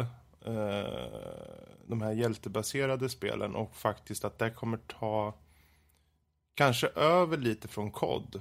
Om vi har tur tänkte jag säga. Men det, eh, det, alltså det, det är mest för att det, det blir ju förr eller senare inflation på något sätt. Med, när titlarna kommer ut så ofta så märker man att de försöker ju ta koncepterna så långt. Jag menar när kod kom, första kod Eh, Call of Duty kom ju som en motpol till Medal of Honor och den vart jättehyllad för sin story och känslan av krig. Det tänker man inte nu. Nu tänker man ju multiplayer. Mm. Men när den kom så var det ju en jätte, det var ett jättebra spel framförallt för storyn och känslan av att uppleva andra världskriget. Men så är det inte idag. Idag är det liksom, det ska vara så super eh, uppfluffad eh, sci-fi och grejer och man tänker, nah, mm. Det blir lite, det blir lite för mycket bara. Så då, då många tror jag vänder sig om och, för att hitta någonting nytt och fräscht lite. Och då kommer de här hjältebaserade shootersarna in lite som en, som en hjälte. Men, Aha. men alltså, vänta lite nu. Hur definierar du en hjälte-shoot, en hjälte-FPS? För jag tänker liksom, är inte Fallout en hjälte-FPS? Liksom, du är en person som går runt och är Jag liksom... tänker mer klassbaserade multiplayer-spel. Okej, för Men, det är inte riktigt vad jag hjälte- tänker när jag tänker FPS. Direkt. När jag tänker FPS så tänker jag liksom ett FPS, liksom. En first person shooter. Bara. Mm. Det behöver inte nödvändigtvis vara multiplayer då. Då pratar man ju om multiplayer FPS i så fall. Och jag vet inte, alltså jag vet att de tog upp dem som exempel då och jag antar att det var multiplayer FPS som hon pratar om. Men eh, när jag, men Doom är ju först och främst är det ju store, är ju singleplayern som spelar roll i Doom. Är ju. Ja men multiplayern hör man inte så mycket om. Jag har inte hört något Nej. om det direkt. Alltså den är De- rolig. de- Jag, jag har kört en hel del, eh, lite av det och, och jag tyckte det var kul liksom. Det som de, om, om hon, nu vet inte jag om hon gjorde den kopplingen, men det som är intressant om man ser på Doom och dess multiplayer är ju att den gick ju betydligt mer åt en arena shooters. Eh, och arena shooters, eh, de är också lite på G nu. Det kommer ju, Quake kommer ju. Ja, är och så har vi ju Cliff Bersinskis, den här Lawbreaker som hon heter. Eh, och ytterligare ett par som är under eh, on the way. Så det är ju också en våg faktiskt att ta i. För jag tror definitivt, det finns ju ett sug. När vi hade Quake Arena för typ, jag vet inte hur många år, det måste vara runt 15 år sedan kanske. Jag tror det är mer än det. Ehm, och då var det, det var ju Unreal Tournament eller Quake 3 liksom. Och Unreal Tournament var ju såklart bäst, men många föredrog såklart Quake 3 Arena också. Och då var det arena, arena shooter som gällde, men sen kom då COD eh, till exempel efter några år och då böt scenen ut och jag tycker man ser lite av den där trenden nu med de här som jag kallar då hjältebaserade shooters är ju de som Overwatch då som jag tänker på först och främst. Att eh, vi ser lite av en trend på den här nästan Moba-liknande upplägget med specifika hjälteklasser på något sätt, eh, personer. Personligheter som du iträder istället för, okej du är en medic av 4000 andra medics liksom. Eh, Så, ja. Men ja, det är kul att se för att det händer lite på, på, i de här trenderna och att vi kanske ser lite, för det betyder ju bara i slutändan att killarna borta på eh, Call of Duty faktiskt måste tänka efter. Okej, men vi kanske måste ta den här välbehövliga pausen på två år, kanske tre år. Och, och faktiskt tänka om konceptet helt och gå tillbaka till rötterna eller faktiskt göra något helt annat, vad vet jag. Så- ja, kan, kan inte de göra en deal att vi har Battlefield ett år, vi har Call of Duty nästa år. Mm, Ska vi ha nästa grej så kan vi ha... Det går de menar, säkert med på. Ja. Ja, Ja. Jag, menar, jag menar, de kan säkert göra en deal däremellan. Eh, om jag får säga min personliga åsikt så, eh, så får jag hålla med Fredrik ganska mycket. Att vi ser ju en väldigt uppgående trend liksom, för de här hjältebaserade. Och, eh, problemet jag ser lite grann är att vi har, vi har fått väldigt många såna här uppstickare här nu som försöker också få, hänga på den trenden. Vilket kanske gör att folk för de som spelar dem, eh, till exempel nu Overwatch, de kommer ju inte byta ut mot någon annan. För de har ju redan hittat e- ett spel som liksom känner att det är deras gebit. Men att för de här som inte riktigt är kanske riktigt hypade än och liksom, ja men jag testar på det här andra spelet som är, ifall det som är kanske inte lika optimerat, lika bra fungerar, så kanske det skrämmer bort istället. Vilket gör att många kanske tänker att det här är en spelserie eller en typ av spel som inte passar mig. Eh, det här är det som är problemet tycker jag, när vi får massvis med sådana här indiespel som ska försöka hålla, hänga på hypen och kanske då får de här som bara vill bara testa på någonting för ett gratisspel då vill säga. Eh, som kanske skrämmer bort folk, vilket jag tycker är ganska synd. De har, ju, Ja. de har ju, det finns ju redan en, en direkt Overwatch-klon som heter... Jo, jo, men vad den- heter den den? Typ Hall bra. of Heroes eller något där som är Ja, Overwatch inget- fast free to play bara. Fast det här det är ju intressant, du, för jag tänker på det nu, nu. För det här fenomenet är ju inte nytt. För Nej. jag menar, när Doom kom, då kom det ju, alltså, du som var med då, eller jag också för den delen. Det kom ju hur många FPS som helst. Det är därför de heter Doom-kloner. Jo, och, och ehm, så kom det ju också med COD eh, och det kom ju så med många av de här titlarna som har kommit. Så det är ju, jag tror nog att i dagens läge, om man kollar på de som är gamers idag, liksom, de, de flesta är ganska insatta på det. jag tror nog inte att det, det är klart det finns några nybörjare så att säga som är helt, som sätter sig vid en konsol för första gången eller en PC och sen bara råkar köpa första och det är en sån. Så det, det kanske, är, men jag tror det är nog betydligt oftare att de flesta har koll på det och de vet att ja, det finns andra med att testa den här. Liksom. Sen är det klart, den här trenden med de här hjältebaserade, det finns ju några som går mer åt den här uh, free to play också. Eh, jag vet inte riktigt vad jag ska tycka om det, men eh, jag menar, det, mycket av det här kommer ju lite från Team Fortress också. Eh, och det är ju helt gratis liksom. Eh, men eh, ja, jag, jag hoppas se en stor förändring i alla fall. Om jag, om jag får säga vad jag personligen själv vill ha för att vi har haft liksom 90-talet, vi hade Doom, vi hade de där spelen, vi hade början på 2000, då hade vi, då var det liksom, då Call of Duty och alla de där spelen började komma in och nu har vi börjat få de här hjältespelen. Jag vill ha tillbaka till dem lite grann, lite äldre. Doom har vi fått nu tillbaka, det är lite tillbaka till det här slafsandet, eh, mosandet, mm. blodsplatter åt alla håll. Vi hade Wolfenstein som kom ut här ett par år sedan sådär och eh, Quake, vad blir det, Quake? Champions, va? Heter den inte så? Den Ja, som kommer. Ja, komma, komma skall här. Så vi är till, lite tillbaka till de gamla serierna. Och jag vill ju se lite grann lite revival utav de gamla serierna för att jag har ju spelat de andra och jag vill fortsätta se dem för att jag tycker om dem. Så jag hoppas vi får tillbaka och jag vill, kommer folk säga, vad är det för fel på det? Ett, ett bra Duke Nukem också. Ja, man, man, kan, man kan ju alltid hoppas. Vi, vi Ja, fick ju nu, vi fick ju nu väldigt optimistiskt. 20-årsjubileumsutgåvan. Jag menar att, Det, eh, det tråkiga är- med Duke Nukem är att om man kör originalet så är det ganska dåligt också. Egentligen är det ju dåligt. Men Ja, när det men- kom, man bara wow, här står det stripper. Åh, och det kommer en gris och skjuter på men det här är ju awesome. Fast egentligen, för man tittar på om tar Duke Nukem Forever så är det egentligen... Hade det kommit ut då så hade det varit perfekt rätt i tiden. Nu så är det lite... Eh, kanske Vi har inte. lite gått förbi det. Har vi på något sätt. På något sätt har vi utvecklats förbi just den typen av... Jag tycker om att spela nötter i spel. Jag känner mig som hemma då. Ja, det, det, jag tänkte precis säga det. Du, du, jag, liksom, jag, du känner tänkte, igen jag, säger, jag säger det innan så, här, så Ja, ingen annan ja. kommer och säger så. Men att om vi, som sagt, Mm. jag vill tillbaka lite grann till våra rötter av, spel, av spel, spelserierna i så fall. Mm. Eh, det kan liksom... Det kan vara att det, det är känslan av de gamla spelen, så det kan vara ett helt Precis. nytt koncept. Men att jag vill ha den här gamla känslan att liksom, det är lite umf i när man skjuter någonting. Om inte annat så, det var ju så mycket, det var ju direkt på, det var rakt på sak på de spelen. Det är ungefär som du kollar på Doom nu. Eh, det är inte en fråga om att det ska vara eh, 10-20 minuters dialog liksom. Utan han går in och så slår han sönder en konsol och sen så går han vidare liksom. Det, det, det är så kort det är liksom. Och det, det gör de med glimten i ögat. Och de, för de vet, det här är den typen av spel de ämnar göra. Och gör de en Duke Nukem med den här glimten i ögat, då tror jag faktiskt också, jag kan hålla med dig om att det finns nog plats för det om de gör det på rätt sätt. Absolut faktiskt. Ja. Fast jag tror att Duke Nukem tyvärr får bli lite mer eh, PC i så fall. De Politiskt kan, ju, korrekt, de, alltså. kan, ja, de kan ju Inte, göra dat- inte bara honom... PC. De kan ju göra honom på...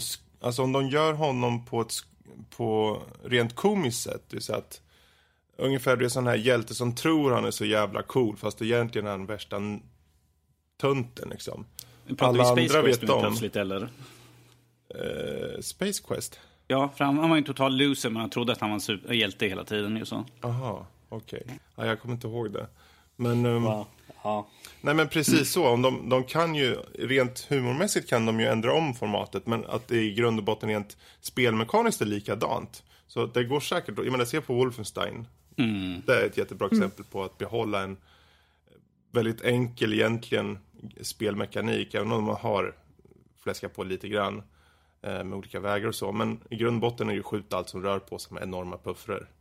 Oh, oh ja. Så Oh yeah. Du och jag spelade det där spelet helt olika, eller Fredrik? ja, i, precis som Dishonored, Ja, ställt ja. hela vägen. Försökte i alla Jag, fall. det, jag gjorde det olika per bana i det här spelet. Vissa banor gjorde jag helt stealth. Vissa banor sköt jag allt som rör på sig. Kunde jag så försökte jag stälta, men det var vissa ställen så tvingade de ju in en i, eh, i Det, jag i tycker det är, det är lite nästan lite synd att inte skjuta saker i det spelet. För vapnena i Wolfenstein är så jävla härliga. Det är som att, du, de bara här, kolla allting du har. Men du kan ju skita i det och så kan du smyga runt. Men jag, Ja, jag, det, äh, mitt, mm, mitt ja. största problem med, med eh, just arsenalet i, eh, i eh, Wolfenstein var ju det att du får de här skitcoola vapnen. Åh, här är sniper rifle, det är skitbra. Och så får du typ fem skott i den och sen så måste du gå tillbaka till, till hagel, eller till eh, assault rifle. Eller pistolen. För du får så limiterad med ammo till de riktigt coola och bra vapen som du vill köra med. Och det var lite av det problemet som jag såg med, med just med Wolfenstein. Eh, för då kände jag liksom, ja men då kan jag lika gärna bara smyga eftersom jag ändå inte får något bra ammo till de stora vapnen. Alltså, plus att de tog ifrån dig vapnen för varje bana också, vilket jag inte heller gillade. Men ja, Du får göra Deadpool-shots, att du linar Ja, upp dina fiender så du dödar tre med en kula. Ja, precis. Men vi kan väl, eh, jag vet inte, vi har väl inte, vad finns det mer att säga om det här ursprungliga frågan här? Eh, ja, alltså det är en väldigt svår fråga, men att vi ser ju liksom några trender. Vi har ju de här hjältebaserade eh, FPSen som är ganska populära eh, och de ser inte ut att vara på väg att gå ifrån. Så vi, eh, vi kommer ju, att det kommer att vara en trend och jag tror att vi kommer kanske inte se så många fler utav dem, men att vi kommer se att de kommer hålla hårt i de här stora. Till exempel Overwatch är väldigt stort. Jag tvivlar på att den kommer tappa ba, eh, dess spelarbas i första taget. Men de hade ju över 10 miljoner användare. Precis, och sen har vi ju de kod och de, de kommer ju tyvärr säkerligen Inget illa ment, jag är inte så mycket för dem, men att eh, de kommer ju fortsätta tugga på tills, de, det kommer att vara, en, tills det kommer att vara väldigt drastisk innan de ska göra någon skillnad där egentligen. Ja, så det som behövs ske är ju att folk slutar köpa såklart. Mm. Det är ju det enda som, och om folk köper så då gör de ju fler. ja. Ja, det kommer Men ju eh, de, kan ju se, de kommer ju se trender ändå liksom, så vi får väl se där. Mm. Men det, det är liksom några av våra tankar. Jag har inte fått uttrycka mig. Här, jag... Har inte du fått uttrycka Nej, jag har tycker- pipat in på Jag- era, men jag har inte fått uttrycka mig Ro- Robert, själv. Robert jag, tänk, jag tänker från när du pratade i början så där om Dishonored, så det, jag har fortfarande liksom en, en liten lagring av din Wow. röst i huvudet här just nu. Wow. Ja, vad, vad vill du ha sagt? Ro, Robert, vad vill du ha sagt då? Alltså jag, just lite önsketänkande från min sida. Eh, Mm, det, är vi- det är allt vi begär. Ja, för, alltså jag vill gärna se, när det kommer till multiplayer-biten och såna grejer, så vill jag se mer spel som uh, Left 4 Dead till exempel. Eh, där man har, där man teamar upp med liksom ett par polare liksom. Så, säg ett gäng av fyra och så liksom så spelar man mot de andra i en så versus-aktig situation. Men där man faktiskt måste liksom ha någon teamwork. Oftast känns det som att eh, när det kommer till kod och sån här, det, ja ni är på samma team men det känns inte som att man liksom teamar upp Det är lite för utspritt. Så. Ja, precis. Det känns, det känns lite bättre. Jag gillar idén snarare att man liksom hamnar i en, i en lite som Left 4 Dead-aktig eh, situation. Liksom. Att där du, det, det, ni, ert lilla gäng liksom mot de lite övermäktiga fienderna. För versus mode i, i uh, Left 4 Dead är ju lite så att eh, fienderna fortsätter ju respawna hela tiden. Medan dör du så är du död liksom. Ehm, så nå- något åt det hållet skulle jag, skulle jag gärna eh, se ändå. Det är nästan lite survival multiplayer-aktigt liksom. Att eh, ni måste, ditt gäng måste överleva till slutet. Men fiendegänget, de kommer fortsätta spana hela tiden. eh, och försöka döda dig. Eh, och Vi, har sen inte, så... vi, har inte, vi har inte haft så många sådana, såna spel på sistone. Nej. Vi väntar fortfarande på trean ju. Så. Ja, nej, jag, jag vill se lite mer sånt. För det, jag gillar sånt för att det innebär att jag eh, kan spela det med mina vänner. Snarare än att vi ska liksom sitta och hoppa in och spela kod eller någon sån där skit liksom. Vill hellre ha någonting lite intressantare i så fall. Eh, när det kommer till single player. Alltså jag gillar lite båda approachen. Doom, uh, Wolfenstein. Jag tyckte om de spelen. Jag har inte spelat klart Doom. Uh, men själva approachen, lite pang på in liksom.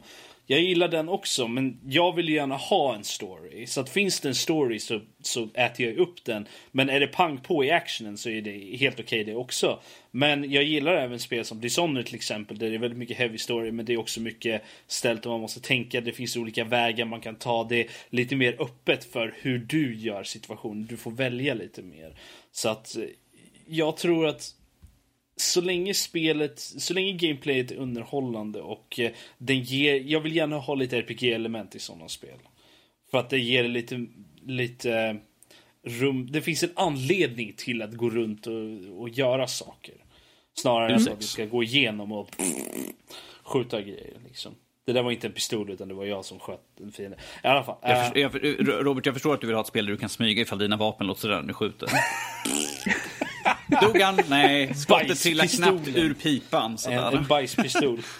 Ja, jo. Det låter som någonting från Duke Nukem i så fall. Um, jag, jag vet inte, jag... När det kommer till, till huvudkaraktärer och sånt där så vill jag gärna se, jag vill ha en hjälte som man kan identifiera med på någon nivå men samtidigt man ska kunna förstå deras motivationer på något sätt. Liksom, Duke man gör det väldigt bra i, i, i Wolfenstein så gjorde de det väldigt bra liksom. Han är en väldigt stereotypisk macho action, actionhjälte, han är det men man får se genom vissa små saker liksom lite vad hans motivation är, varför han gör saker liksom. Och, och det, finns en, det finns en personlig story till det där. Doom, ja. Där kan jag inte säga så mycket. Jag spelar kanske tre timmar eller någonting av det spelet. Så det, jag ska gå tillbaka till det. Men jag vill ha lite mer än bara uh, vad jag vet eh, om Duke Nukem till exempel. Någonting lite mer av det. Jag vill också ha lite mer än eh, en, en Half-Life, Gordon Freeman, snubben som inte säger någonting liksom. Jag vill ha någonting mer än det. Eh, och, jag, och det är lite där som vi ser trenden går att vi har ju inte direkt speciellt många silent protagonists längre i FPSer. Vilket är väldigt trevligt. Eh, Nej, Gordon Freeman har varit väldigt tyst i väldigt många år. Ja, precis. Men vem vet med hela hjältegrejen så kanske det kommer tillbaka med en, en Half-Life 3. Yeah. Ah, wipes Det, det är skönt att du har din eh, optimism i behåll. Hej, jag har inte spelat klart första spelet än. Så. Wow, Robert, så... Ja, mm, ja okej. Ja, Med de, de orden så tror jag rundar av det här lite grann. Jag vill bara säga det här igen nu innan ni sitter och knattrar och vill, tänker skriva in ett ärligt brev och tycker att vi trycker ner liksom Battlefield eller Call of Duty. Notera att vi tycker inte illa om spelen. Det är bara att vi är totalt värdelösa på oss. Det är därför vi är upprörda på dem. jag tycker illa om Yes. spelet. Robert representerar inte den här podcasten, utan hans åsikter är hans egna och inte det som vi andra står för. Nej, men eh, ärligt talat, alltså, eh, för er som tror att vi klankar ner som sagt på spelen, det är liksom bara för att jag tycker inte om multiplayer för att jag är extremt dålig på det, så kanske jag är lite negativ och sånt, men att jag har ingenting emot det. Men vi, det, det sagt så går vi vidare helt enkelt till övriga nördämnen. Eh, Förresten, jag vill bara tacka Erika en gång till för det var en riktigt bra fråga. Eh, Skriv in fler, tack. Fjäska mer va? Tack Erika. Vi går över till övriga nördämnen istället och vi kan ju faktiskt börja med dig Lotta. Du ville Mm. prata lite grann om en anime-serie som heter Drifters. Jag antar att den har ett väldigt, väldigt, väldigt långt andra namn säkert som du tänker ta upp just nu som vi kommer knyta tungan ihop på flera gånger om för att kunna säga det själva. Faktiskt inte. Jag sa Eh, allt det där helt i onödan. Yes, yes you did. Känns det bra? Ja, det gör det faktiskt. Många, många anime-serier har faktiskt bara engelska namn. Så att, eh, Alltså, varje gång Max är med så han ska prata om någonting, då har Max det är ett 48 specialfall. Han. han är Yes. alltid ett Men- Ja, specialfall. Nu är du tyst Yes. Robert och Lotta, vad är Drifters för någon anime-serie? Jo, Drifters, det är en serie som går just nu. Det är säsong 1 och det har precis kommit ut avsnitt nummer 6. Så att det är fortfarande goda tider om man vill hoppa på vagnen eh, as it rolls out of the station. Eh, Drifters är, eh, ja, jag skulle säga att det är en seinen. Eh, om man pratar stil. Eh, den, eh, det är en hjälteserie. Och den börjar med att man får se en bit av, eller slutet av eh, slaget vid Sekigahara. Ett historiskt fruktansvärt välkänt slag. Eh, och eh, man får se eh, Toyohisa, eh, Shimasu Toyohisa. Eh, och hur han blir dödligt sårad. Och sen helt plötsligt tas till en annan plats. Eh, och i det, eller ja, en annan värld till och med. Och eh, i början så är det väldigt förvirrande och han har ingen aning om, ja, man själv har väl en aning då, men han har ingen aning om vad som har hänt. Eh, utan blir liksom bara inslängd i det här. Eh, och i den här andra världen får man träffa andra väldigt stora karaktärer.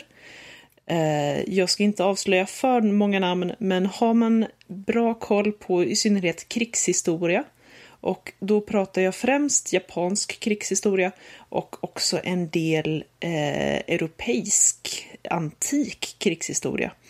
Eh, så är det några namn som kommer att hoppa ut mot den. Eh, och sen senare också är det lite modernare.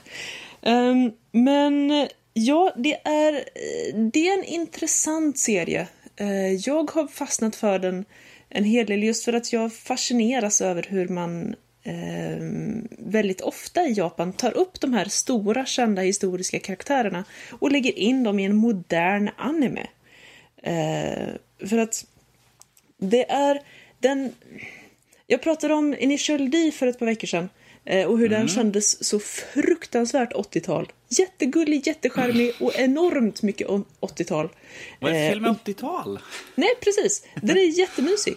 Eh, men Drifters är verkligen en modern anime. Ganska, ganska tung. Med lite eh, splashvarning. Det var det där med att det blir kladdigt ibland. Eh, Där vaknade Fredrik till. Jag gillar när det är blodigt och dant.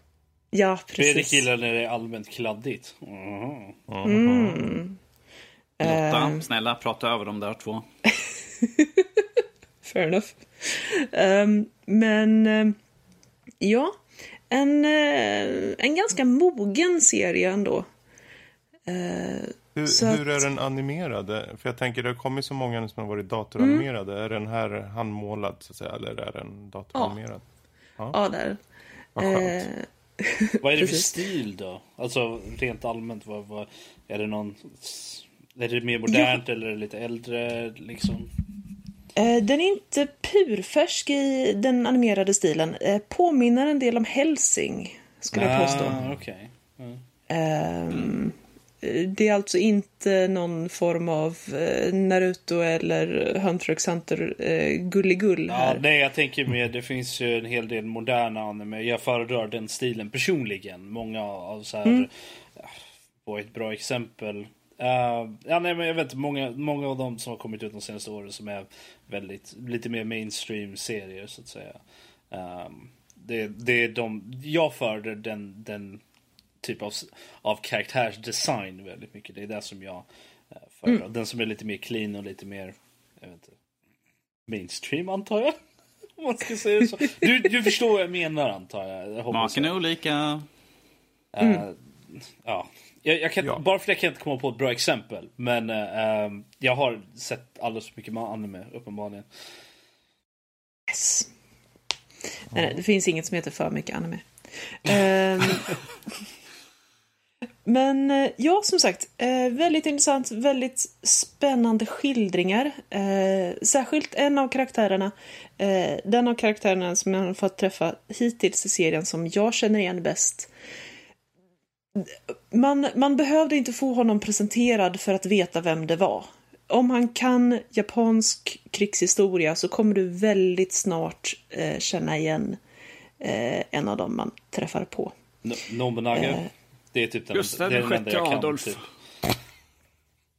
Jag ska inte säga för mycket, men... ehm, Gustav Vasa?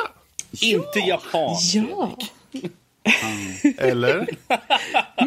Ja, vi vet ju inte. Det är tekniskt Eller? sett så vet vi inte. Vi var inte där. Men, jag, Mhm. men med tanke på att han är svensk. Så Jaha, vilka fördomar du hade då? svensk på, vad var det, typ 1600-talet eller 1500-talet eller något sånt där. Så det eh, var nog inte så Nu mycket. såg jag fram emot att se på det här, men nu pajar du allt med att Gustav Vasa inte är med. Ja, ja. Nej men som sagt, no, no, Oda Nobunaga är typ den enda japanska, den enda riktigt välkända eh, krigsherren som jag känner till från japansk eh, krigshistoria.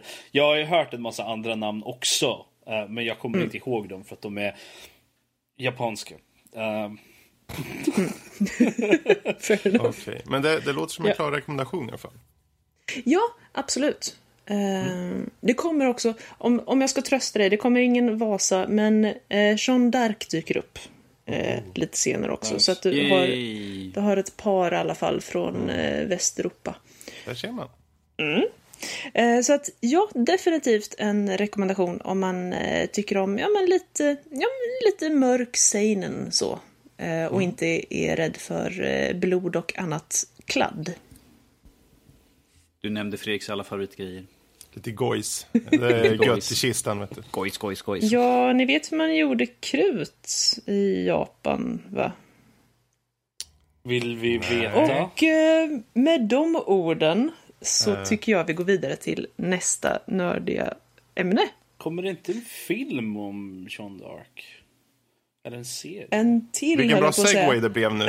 Nej, för... Gud, vilken bra segway Ja men sorry, jag, jag var, det var någonting som bara slank ut. Robert! Ja. Du hade tittat på Timeless. Ska be Det är Max vi att som är. Timeless nu, Det är vi som är Timeless, ja precis. Eller om det var ett Robert avsnitt av Timeless som skulle handla om Jean Dark. Jag kommer inte ihåg. Någonting sånt var det i alla fall. Men just det, Timeless ja. Vilket det är en jättebra segway eftersom jag inte kan hålla sånt här rakt i huvudet. Uh, Timeless är en amerikansk tv-serie om amerikaner som fuckar med historia. En amerikansk serie om amerikaner som fuckar med serien. Okej. Behöver jag säga? Ja okej. Eh, Bokstavligen talat. Nej, vad ska jag säga? Ja, eh, nästan i vissa fall. Nej då. Nej, seriöst alltså. Uh, nej, men alltså, ja. ehm, jag, jag älskar tidsresehistorier och filmer och se allt sånt där. Det är en av mina absoluta favoritämnen när det kommer till science fiction är time travel. Jag menar, det finns en anledning till att, att jag alltid klassar Back to the Future som den absolut bästa trilogin som någonsin existerat. Ehm, så att, eh, i film alltså. Uh, boktrilogi är en helt annan sak. Eh, men mm. tidsresor ligger väldigt nära mitt hjärta. Så att eh, eh, det, serien Timeless var ju då någonting som jag kände oh, direkt perkade mitt intresse. Och den handlar då om att ett gäng, något, något företag har då skapat en tidsmaskin. Som ser ut som en rund boll. eh, med snurrande grejer runt omkring. Och eh, det kommer ett gäng snu, okända snubbar och snor den. Och eh, åker då eh, runt och försöker fucka upp eh, historien. Vilka elakingar. Ja, eh, så att Ja. de eh, tar in en, eh, en histori historiker. Eh, vad heter det? Heter- Heter det det? Historien. Jag kommer inte ihåg vad det heter på svenska nu. Eh, bara för det. Ehm, som är då en av de bästa antar jag. Hon är eh, dedikerad till historia och kan massor och sådär. Så de, de tar in henne för att ja, de behöver en expert helt enkelt. Eh, och en soldat för att, för att då ta ner de här fienderna. Eh, speciellt deras ledare som namnet escapes me. För att namn är inte min starka sida. Uh, så den här snacken kommer vara helt under namn. Och sen en, uh, en svart snubbe som pilot. Och jag nämner att han är svart för att det är en del av, av plotten, så att säga. För att det är mycket, när de reser i tiden och sånt där så tas det upp flera gånger på grund av att de reser till tidsåldrar där svarta inte är, eh, ja, sådär jätteaccepterade i vissa fall och sånt där. Så att eh, det är en, en del av det. Eh, annars hade jag inte gjort det. Och eh, eh, de då ska åka tillbaka. De har en till tidsmaskin då, det här, det här företaget. Den prototypen då. Det är klart de Som har. är lite Varför skruttigare inte? och skakar en hel drös när de, när de åker. Och det är inte den mest... Det, det, är som att, det, det är som att de här fienderna de stal en Ferrari. Medan de andra får sitta i en jävla skrutten gammal Saab och åka. Inget fel på en. Saab. Det är inget fel på en Saab. Nu var det en skruttig gammal Saab. Var det jag pratade om här. Eh, Saab har aldrig skrutt. Uppenbarligen har du inte åkt någon av Robert, Saabarna som jag åkte lite, res, lite respekt nu. Jag har åkt i Fortsätt. många Saab och jag tycker om Saab men alltså det finns en hel del Saab som är ganska skruttiga. Det är lugnt. I alla fall. Eh, och de åker då tillbaka i tiden för, att, för att stoppa att historien går, går snett då. Tyvärr så är det ju så att de som är i nutid ändras någonting så vet ju inte de om det.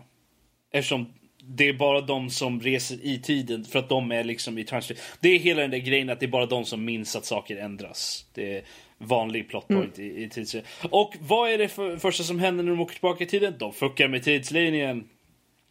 De lyckas inte stoppa fienderna från att göra grejer och sen väljer de att själva ändra historien. Och det är här som jag... Det, måste sätta mig upp nu, för det, här är... Ro, Nu- nu- Ro, nu stopp, blir stopp, han stopp, upprörd. stopp, stopp, stopp, stopp. Robert, innan du fortsätter, ta ett djupt andtag. Mm. Tänk igenom vad du ska säga, sen säger du det. Det här är något som jag stör mig på i alla i alla tidsresefilmer där, de är, där det är folk som reser tillbaka i tiden för att stoppa att historien går fel. Det är det att de väljer att göra det. De väljer liksom, okej vi ska åka tillbaka i tiden, vi ska fixa att de här inte fuckar upp historien. Men åker tillbaka och gör det ändå. De medvetet, de bara åh nej men den här personen kommer dö, åh nej vi måste rädda dem liksom. Jag kan, det är soldaten liksom, han är ju såhär, åh nej men jag kan inte lämna någon att dö, jag kan inte låta någon dö, det är inte del av vem jag är. Men, och det är liksom så här, jag sitter och tänker, man, så, han är redan död, du är från typ hundra år in i hans framtid, han är död, han dog här. Historien säger att han dog här. Det är meningen att han, meningen att histo, hi, historiskt sett ska han dö här. Det är inte någonting som... Jag menar, i, i, hade det varit nutid eller framtid så hade det varit helt okej att rädda honom. Det är fine. För det är ingenting som påverkar din personliga histor- historia. Och det... It boggles my mind. När, jag förstår att det är för i, liksom, drama och, och, och liksom, intriger och sånt där. Men alltså kan vi för en gångs skull ha folk som åker tillbaka i tiden och faktiskt inte fuckar upp tidslinjen faktiskt väljer att nej, vi, må, vi måste stå vid våra principer och säga nej, vi, vi kan inte göra någonting för att ändra det här. Det enda vi gör är att stoppa bad guysen, Det är det enda vi ska göra. Allting annat är nej. Alltså, Robert. jag, är- jag är ledsen, jag måste hålla med dig. Jag har inte sett filmen, men... Det är en serie. Serie, oh, sorry, sorry. Ehm, men, ehm, ja, jag förstår att du är upprörd. Ja, jag, jag blir alltid så här, det, det är det, Utöver det så tycker jag att det är en helt okej serie faktiskt. De har inte, karaktärerna är, är tillräckligt med intressanta för att man ska komma tillbaka till nästa avsnitt. Eh, plotten är eh, också väldigt intressant. Liksom, vem är han snubben som snodde? Han hintar åt att liksom, han vet saker om, om saker, om liksom personerna och allt sånt där. Om huvudkaraktärerna som de inte vet och, och eh, sånt där. Så det, och det, det är massa sinister stuff som händer i bakgrunden även i, i företaget som utvecklar den här tidsmaskinen och allt sånt där. Så det, det är det är intressant. Allt det är intressant. Så det, det är det som får mig att fortsätta titta. Men, och nu har de fuckat upp så mycket i tidslinjen i alla fall att jag bara slänger upp händerna och bara okej fine, just do whatever you want. Vi får se. Det kan ju också vara intressant. Det är det att går de in för det då kan jag acceptera det. Men det är det att serien började, startade ut som att okej, vi ska inte göra några ändringar i tidslinjen överhuvudtaget. Nu har det hänt så pass mycket att saker har ändrats i framtiden, i nutiden. Och ganska stora saker ändå. Och det, liksom, nu, nu känns det som att nu, okej, we, we just don't care anymore. Vi gör vad fan vi vill vi, liksom, för att det som vi tycker är bäst för tidslinjen, typ. Och det är en massa sådana saker. Och jag skakar bara på huvudet. Okej, fine. Just do whatever you want. Just give me the good stuff. I stort sett. Robert, Robert, vet du vad som vore det bästa just nu? Nej, vad? Ifall du skulle komma så här. Förutom den här, den här lilla, lilla, lilla saken. Så det är en jättebra serie. Det är bara det, är bara det jag har problem med. Utöver det, jättebra serie. U- Utöver, utöver den här... Utöver den här, lill, den här lilla... här enorma- Minimalt, den här knappt Ja. märkbara detaljen. Så är det en Nej, jag, vet, jag, jag, jag har så stort problem med det här. För det, det är en sån grej som, som är... Det är en, sån, det är en trope. Är det, nu. det är att folk gör så här. Jag förstår varför eh, eh, scriptwriters och sådär, varför de gör det. Men det, det får mig fortfarande... Jag, mm, det, det gör ont inom mig på något sätt liksom, när, jag, när jag ser sådär. För att det, Ro- Ro- Robert, det är, Robert, det är, det är lite lat storytelling på många sätt. Att göra det. Varför kan vi inte göra någonting nytt och lite mer intressant istället? Där folk faktiskt eh, verkligen försöker stoppa det här istället för att halvvägs igenom ge upp bara för att liksom, åh nej, det var en person som dog framför mig. Ja, det är hemskt och traumatiskt. Ja, det förstår jag. Men samtidigt så måste du ju vidhålla det som är. Så att, ja, jag, jag, jag, alltså jag skulle nog rekommendera det om man gillar tidsresor och sånt där och in, kanske inte stör sig så jätte, lika mycket som jag gör men ändå och finner intrigerna. Så kolla de första två, två tre avsnitten och sånt där. Jag tror det finns fem ute just nu. Eh, Det kommer Wow. ett nytt nästa vecka. Så det, och det, jag tycker de, de är liksom på nya ställen varje avsnitt och sådär. Så det, jag tycker att det är ju historia och jag tycker sånt är intressant. Det är tidsresor, jag tycker sånt är intressant. Karaktärerna är intressanta som sagt och så plotten är intressant. Så att jag skulle, actingen är också väldigt, väldigt bra. Så att eh, jag tycker att gillar man sånt så ge det en chans i alla fall. Får man se vad man tycker. Det är allt man kan göra. Timeless. För dig som inte är lika analfixerad som Robert. Ja, Fredrik, du hade sett vad? Två avsnitt eller något sådär. Vad, vad tyckte du om det? Jag kommer inte se något mer. Varför inte? Alltså, den är för mjäkig. Jag tycker den... eh, Det, jag får lite vibbar av Legends of Tomorrow. Den känns... Det känns inte som de... Den... Den har inget att ge, tycker jag. Jag kan... Jag vill inte slösa min tid på det. Det är allt. Det finns... Det finns gott om andra serier att titta på. Så, Så jag personligen skiter i den. då tar jag och gör så här som eh, Robert har eh, sagt sitt och Fredrik har sagt sitt också. Så tar vi och rundar av helt enkelt på Roberts lilla rant om timeless. Så på tal om tid så är det tid för att prata lite grann om tävlingen. Och därför slänger jag över till vår tävlingsmaestro Fredrik. Precis. Nu är det dags, förstår ni. Nu är det dags. Vi har eh, två stycken koder till eh, Call of Duty Infinite Warfare som ligger här. Eh, en till PS4 och en till PC. Och sen har vi lite extra tr- tröstpriser också som ligger i bagaget om det så att det faktiskt är några som har en riktigt bra motiveringar. För så här är det. Tävlingen som eh, vi vill att ni ska höra av er till oss är följande. Eh, motivera ert svar till oss om vilken spelkaraktär som skulle vinna i en Battle Royale mot världens alla spelkaraktärer någonsin. Vem dör först och vem överlever ända till slutet? Och eh, roligast motivering vinner. Och eh, som sagt, de som kommer närmst de kan möjligtvis få ett tröstpris också. Eh, och det är viktigt att veta här att eh, det vinnande bidraget kommer läsas upp i nästa veckas podd då. Så svar då på den här frågan eh, skickas till vår e-post info.nordlivpodcast.se. Ni får märka mejlet tävling, går jättebra.